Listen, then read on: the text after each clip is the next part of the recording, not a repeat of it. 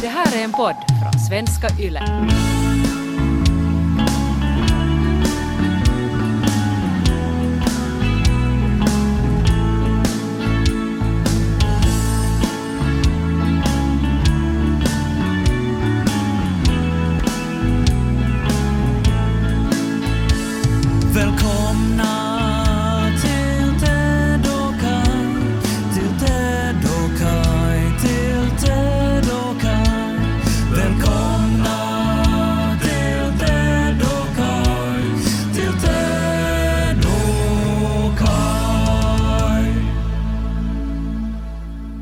Har ju saknat Ove Inborgs variant av jingeln. Vilken blast from the past. Det är ju originalet här nu. Alltså Mm. jag tänker genast på Paul McCartney, den gamla räven, Mm. som ju gav ut sin tredje soloskiva McCartney 3 bara för ett månad sedan och där spelar han alla instrument själv och det brukar han göra ibland. Ja, Och eh, nu är det ju Ove, alltså, no, ja, nu måste vi lägga det här i kontext. Ove Inborg är ju upphovsman till den klassiska Ted och Kai-vignetten. mm. Och eh, nu har han gjort eh, en video som finns i Ted och Kais omklädningsrum och på YouTube där han då visar hur han spelar den här vignetten. Alla instrument själv. Han är ju en, en sann eh, multi-instrumentalist. Eh, och så har han klippt ihop då en, en, en, en gåva och jag tycker det är så fint. Han inleder he, hela videon med en, en liten bugning och så tittar han in i kameran med glimten i ögat och man ser hur han ler för att han vet att han har någonting vackert att ge åt oss.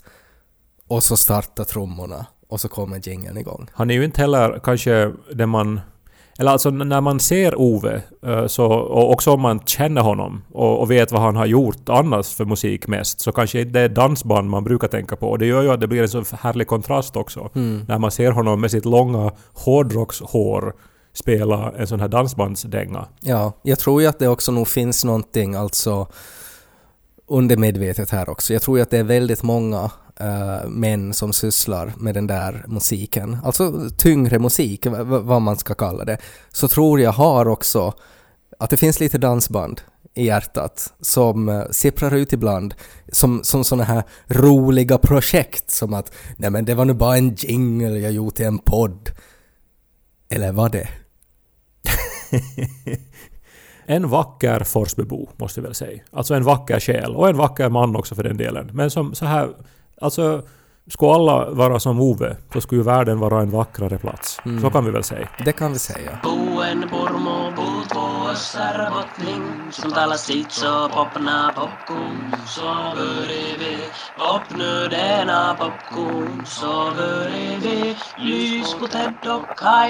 Jag är fortfarande trött efter förra veckan. Och det är så jobbigt när man har såna veckor. Jag har inte träffat dig på ganska länge. Eh, vi är ju isolerade på varsitt håll med den här pandemin och så vidare, men att eh, jag har inte hunnit prata med dig heller. Nej. Är, det något, något traumatiskt Nej men vi, ja, ja, på ett sätt. Alltså vi har ju varit sjuka hela familjen. Eh, Corona negativa, men vi har varit flunsiga.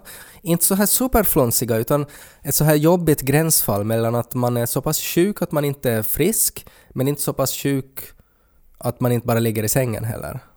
Du menar alltså att bo med en lärare, det är det du beskriver? Att Ja. man får vet du, ständigt nya bakterier och så tar läraren hem dem och, och så, så får man den mun mot mun metoden. Som en intubationsslang rakt från skolgården.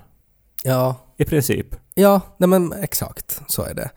Eh, och uh, Lo har haft problem med, med öronen. Eh, han har ju haft det tidigare, eh, men inte, inte så här allvarligt som det har varit. Vi reagerar på det här i något skede att, eh, att han hela tiden frågar ”Va? Vad sa du?” Och så tänkte vi att ja, okej, nej, men att han vill bara liksom få Har bekräftelse. tonåren börjar ännu? Tänkte ni. Ja, nej. Men sen så insåg vi i något skede att nej men shit, han hör ju inte någonting. Alltså att han hör sämre. Och så var vi då till en öronläkare som konstaterade att uh, han har så mycket slem i öronen så att uh, han har liksom en hörselnedsättning som egentligen motsvarar den nivån då man skulle få um, öronapparat. Men inte är väl det här nu då ett led i den här Forströmska oviljan att tvätta sig i öronen som ju har lett till att du ju har till exempel måste gå och ta ut sådana här uh, täggdjurs stora varelser från dina örongångar. Ja, För att du inte har tvättat öronen helt enkelt. Jag har eh, någon gång haft vaxpropp, alltså för att jag har, eh, som en läkare konstaterat, eh, väldigt eh, konstiga örongångar. Eh, som är formade på ett sånt sätt att det lätt bildas vaxproppar. Eh, har ju ingenting med renlighet att göra, men jag hoppas att han inte har ärvt dem. var ju en sån här HP Lovecraft-propp nog det här som togs ut. Alltså det var ju större än ditt öra typ. Och liksom avlångt och det hade så här tentaklar och grejer. Det sa att, att, att sätt tillbaka mig när den kom ut. Ja, men, men jag, jag tänker bara så här som ett tips till allihopa att tvätta nu öronen så man slipper sådana problem. Ja, no, örontvättning har ingenting med det att göra. Ehm, men vi var till en läkare då som konstaterade att uh, nej, han, han rekommenderar nog att vi ska sätta in rör i öronen. Som ett väldigt vanligt ingrepp som man gör alltså på, på kids som, som har det här problemet. Man, uh, man sätter in rör och, och så, så rinner allting ut ehm, och så blir det egentligen på en dag så blir liksom hörseln återställd.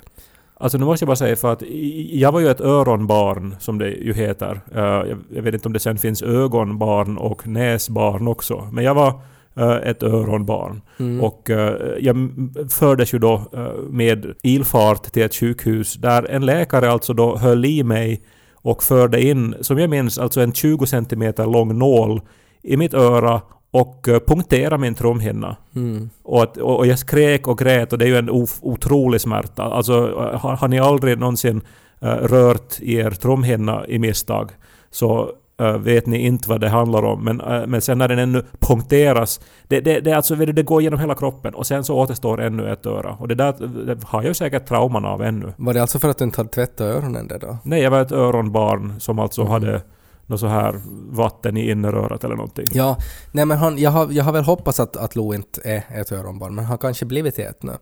För nu var vi då i torsdags eh, och utförde det här ingreppet. Och det var traumatiskt för alla involverade. Um, han är ju ganska känslig för sådana där saker, Lo. Um, och det inbegriper ju narkos, alltså att barnet sövs ner. Um, och det, är ju, det var något nytt. Alltså, Lo har inte blivit nedsövd tidigare. Och det är ju också en ångest som förälder. Det är första gången ens barn blir nedsöpt. Ja men vad om det inte vaknar upp igen? Vad om det visar sig att han är allergisk mot eh, narkosmedicinen eller någonting som man inte är medveten om? Alltså en, en, liksom en, en stress och en, en ångest. Men det är ju därför man inte får liksom till Kelloggs öronklinik, utan man får ut till en riktig klinik där det jobbar doktorer och vetenskapsmänniskor som har gjort det här förr. Jag menar, är det nu en jättestor oro? Alltså, har man någonsin hört om någon som inte vaknar ur sin narkos i Finland? Nej, men det, det finns, det är alltid risker med en narkos. Så, så är det ju. Liksom att man, man kan, alla ingrepp så kan man aldrig 100% garantera att ingenting händer.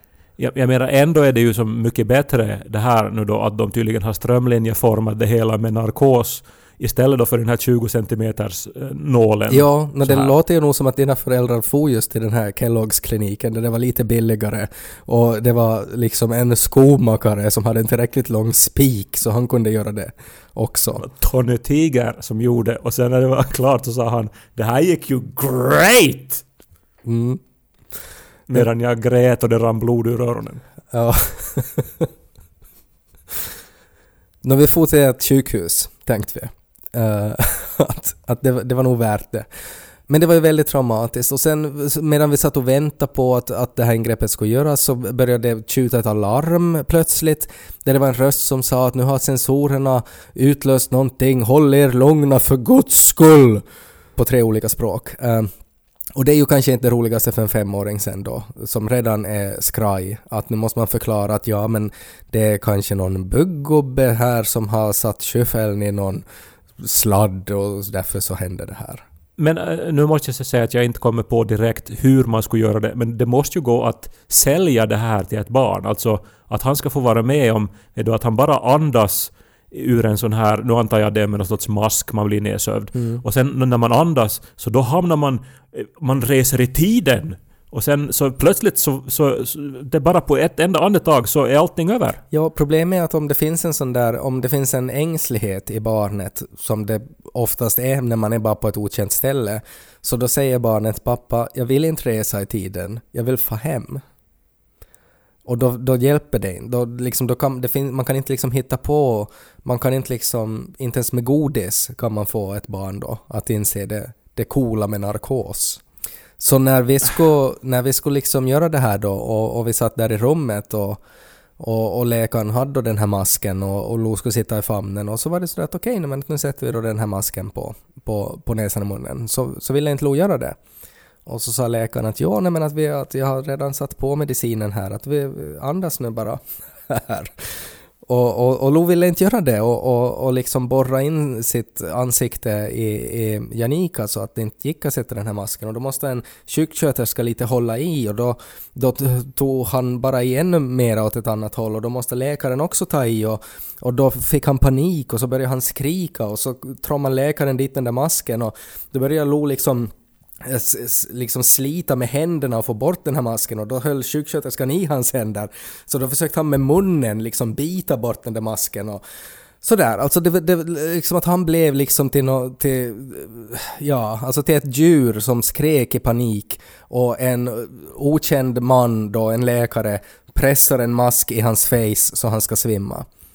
Men alltså igen en gång, alltså är man inte utbildad för sånt där? Man ser, jag tänker på sådana här YouTube-videor när de vaccinerar småbarn och så är det mm. någon läkare som avleder barnets uppmärksamhet med några roliga läten ja. och bara lägger i förbifarten en spruta i, i, i barnets ben och barnet märker inte ens mm. för att barnet tänker på något annat. Ja, nej, det var inte han läkaren. Det var, det var liksom en, en finsk farbror som, som sen när, när liksom Los ögonvitor då hade till sist rullat upp och att han då bar som en trasdocka till sängen så, så liksom skakade den där läkaren på sina händer och sa ”No niin, Jannitti”.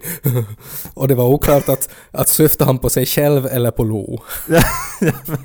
Men, ja... Uh, det, var, det, var, det var inte liksom en sån här ja, det var inte en trevlig upplevelse för någon egentligen. Och, och, och sen när det var sådär att okej, okay, nu sover han, nu ska vi fixa det här då, att nu får ni gå ut, så ska man liksom gå ut och sitta där och andas en liten stund och, och, och inte liksom tänka på allt hemskt som kan hända. Men borde man inte ha gjort något sånt här, tänker jag nu, att, att nu ska vi göra det här tillsammans. Så att liksom pappa har sin mask och sen har Lo sin mask. Och sen räknar vi till tre och så andas vi och så reser vi tiden tillsammans. Men förstås i pappas mask då så skulle det ju ha varit nå, vet jag, kokain eller någonting som här vuxen skoj. Mm. Men det var en dålig idé. Ja, alltså det låter inte som jättebra.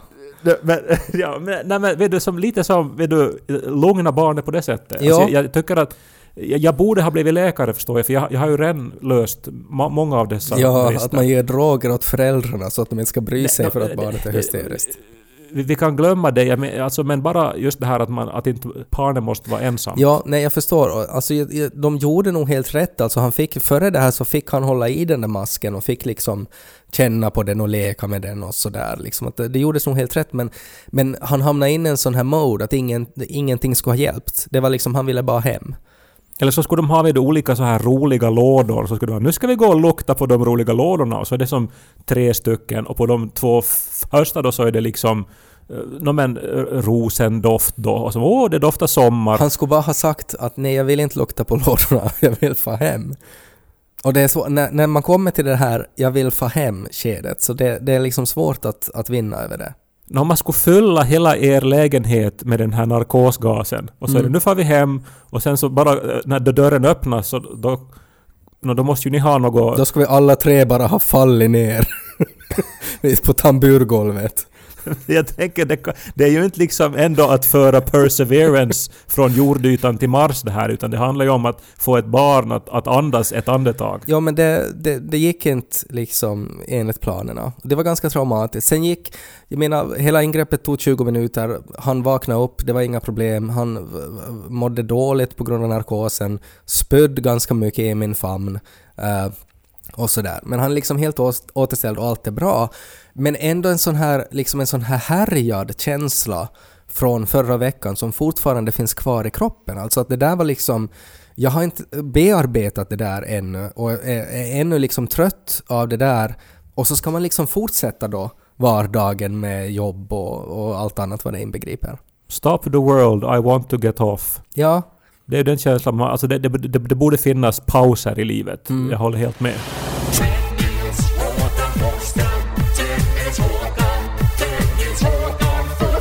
Men det finns ju någonting som har uh, fört mig och Janika också uh, vidare i livet, trots det här att det har varit en, en, en tung vecka. Uh, och det är ju på något sätt tanken på att det finns ju de som har det tyngre.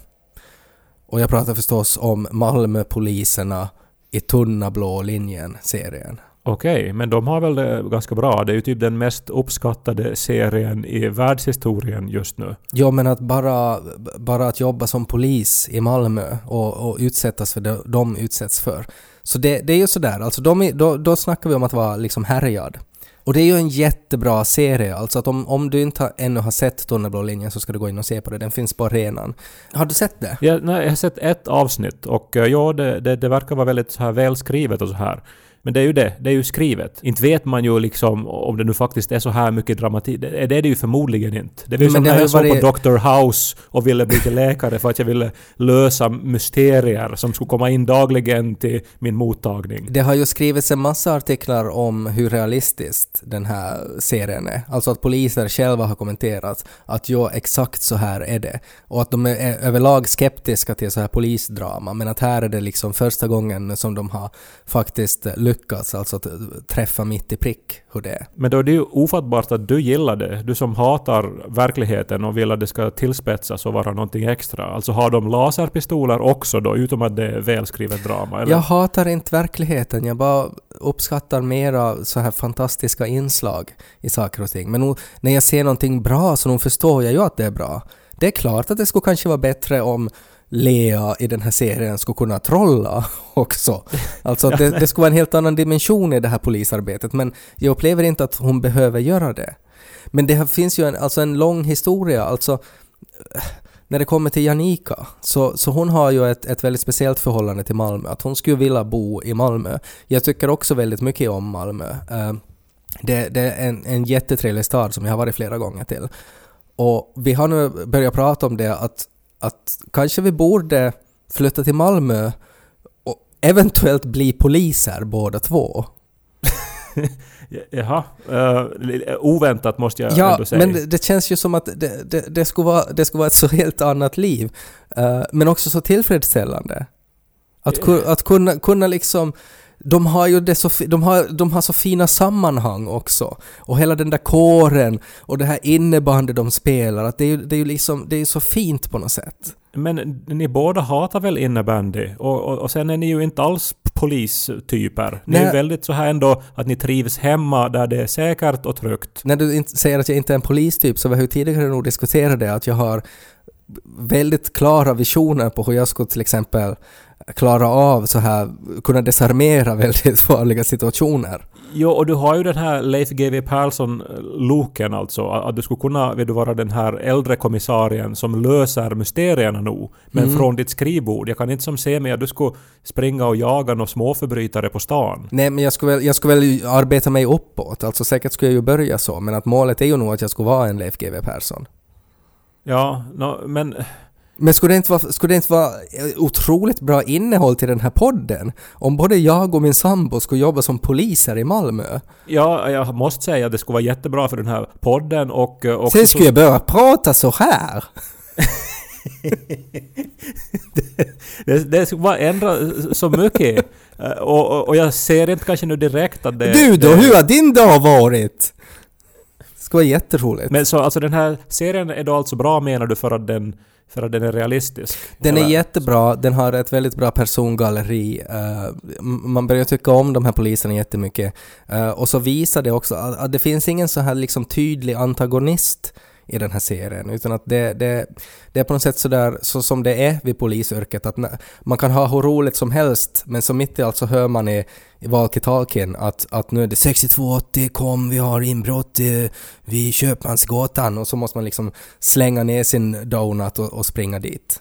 Men det låter ju alltså exakt som så att säga vanlig litteratur till exempel. Eller så att säga vanliga serier.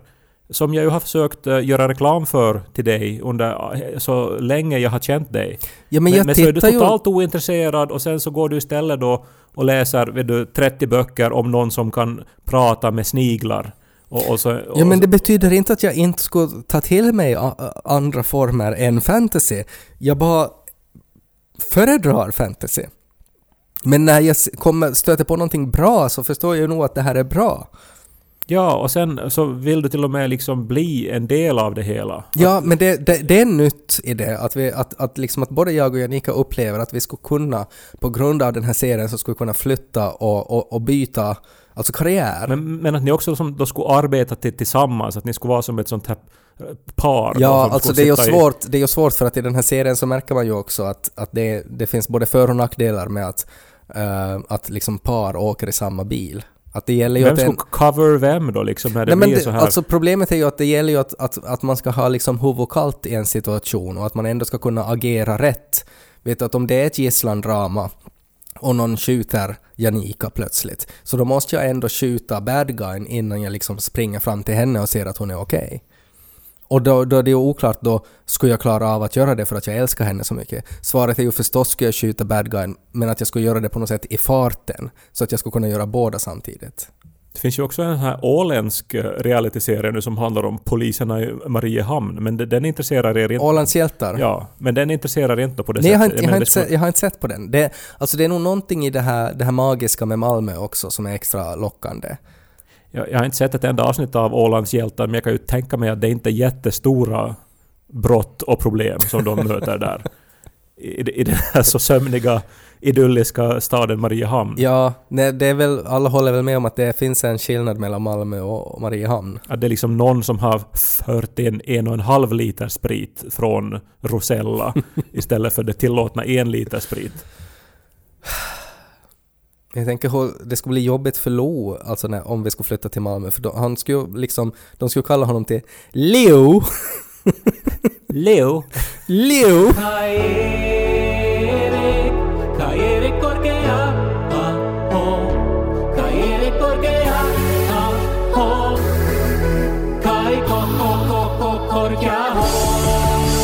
Vi spottar på språng. Vi kommer att bli folk i Punavuori.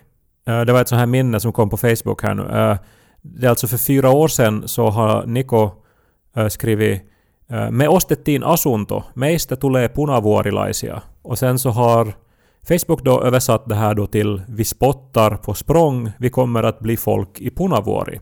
Det låter ju lite som den här Klamydia-sången, den här Pojkar i tunnelbanan. Ja, vad heter de? Olle och Kjell. Ja. Uh, sådana här översättningsmissar är ju ingen nytt i och för sig. Men det har bara varit som nu idag också. Jag, jag, jag skrev en kolumn som publicerades uh, i Hufvudstadsbladet. Och uh, den handlar om uh, att vilja ha barn. Så jag skrev då att, att nu har jag skrivit en krönika om att längta efter barn. Och sen så, så började Niko skratta i rummet intill. Och då står det då att, att jag har skrivit en kronika lasten himosta. Och, och det låter ju som pedofili det. Gör det inte det? Ja, eh, Alltså det blir ju helt fel. Alltså som att man har ett begär, ett begär efter barn. Barnlust eller något sånt här. Lasten Ja. Ja. Och som det, det, det är ju märkligt att vi liksom har artificiell intelligens på god väg och det är liksom världens största bolag, Google och Facebook i liksom eh, allians och ändå så klarar de inte av att översätta vettigt. Mm. Jag har tänkt mycket på ö- översättningar nu också för att jag lämnade in min, uh, min roman uh, till översättning till finska.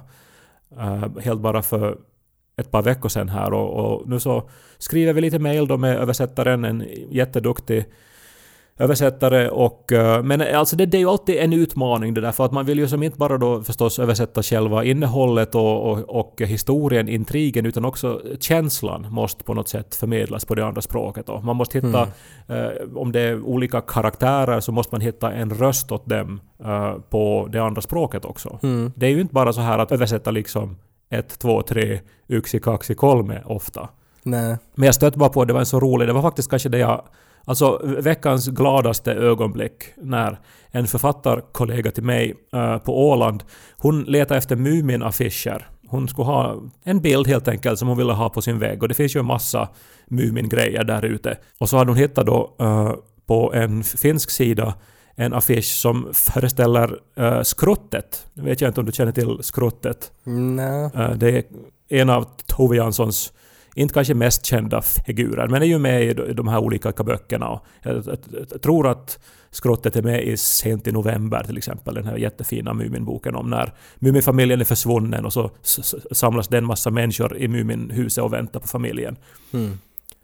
Uh, men uh, det här är då en illustration då som Tove Jansson någon gång har gjort då där uh, det här skrottet är ute och går i skogen. Och...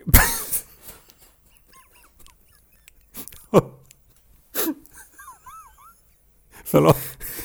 Jag kan inte säga det här. Men, ah, men eh, den heter då på finska, så, alltså skrottet på finska heter tuittu. Och affischen har jag nu då i efterhand tittat då att den heter alltså Tuittu lumisateessa. Ja. Alltså eh, Tuittu som går i, i, i snöfall. Men, men den här, och, och jag kan ju posta den här bilden i Ted och Kajs omklädningsrum så ni alla får se den också. Ja, det här är faktiskt helt sant men, men alltså det som den här affischen heter då eh, på svenska enligt Google Translate så är knullad i en vinterskog.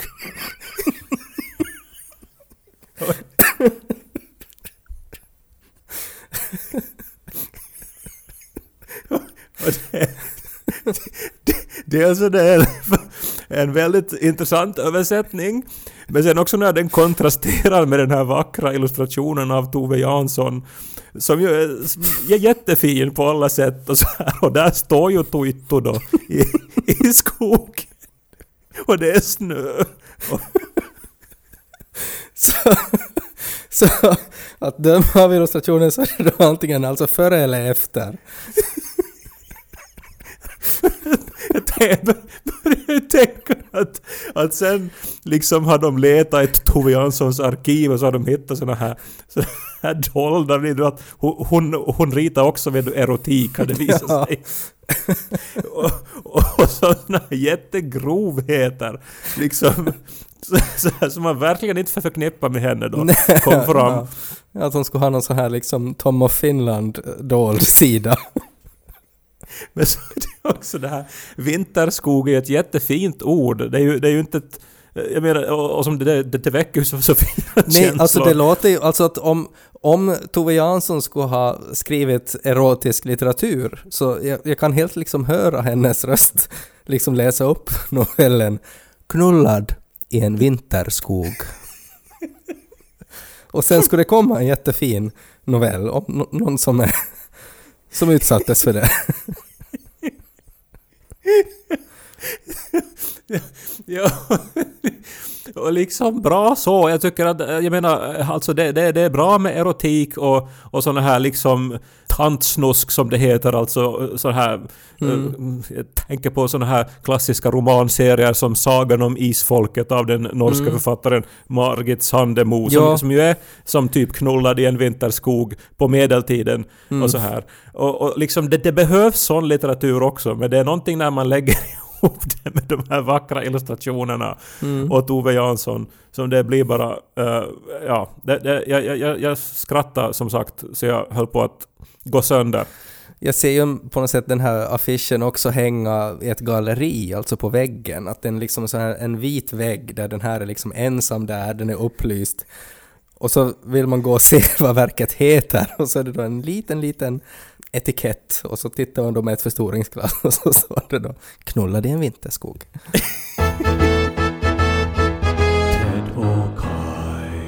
Men nu vet jag ju, helt förstås, alltså en ballong fylld med den här narkosgasen. Mm, Eh, och eh, så har liksom en annan ballong full med helium. Mm, Och sen drar pappa in heliumgasen och pratar lustigt. mm, Och sen så, så vill ju Lo också prova det. Och så ger man narkosgasen till honom. mm. Och sen andas han och sen bara tidsmaskin. Så är det över. Jag tror inte att det finns någon sån här risk i att, att man så här bryter, alltså att han inte riktigt har tillit något mer. Till, Men alltså grejen är ju att, att, att det, det handlar ju om...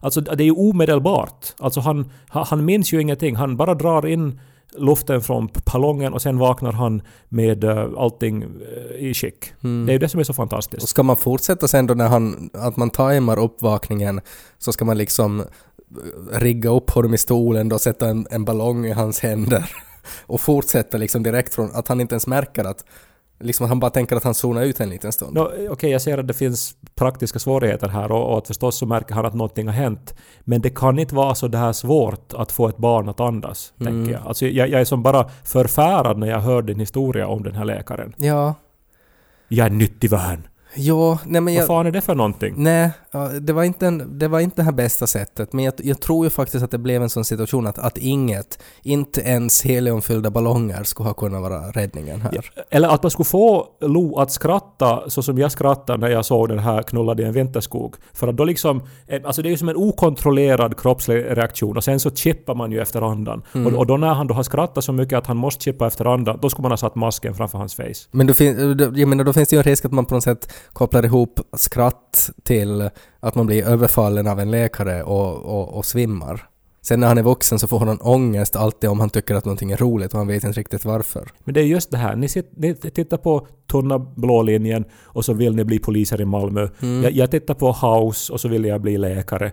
Men egentligen om de skulle göra en, en, en riktigt verklighetstrogen serie så skulle det ju vara sådana här klåpdoktorer som är så här att oj Jenny tyvärr här och så skrattar man och, och skakar och så har man mockat totalt och skapat trauman.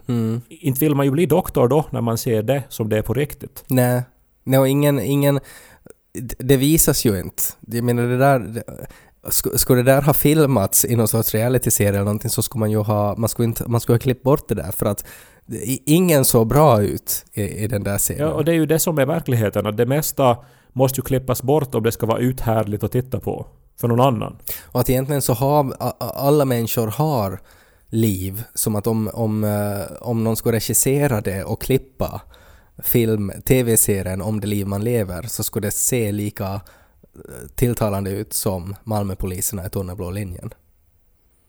Att människor skulle kunna liksom, man skulle säkert ha kunnat klippa den här scenen där Lo var i sjukhus och någon eventuellt polis i Malmö skulle ha kunnat sett på den serien och varit så här Fan, jag vill flytta till Helsingfors.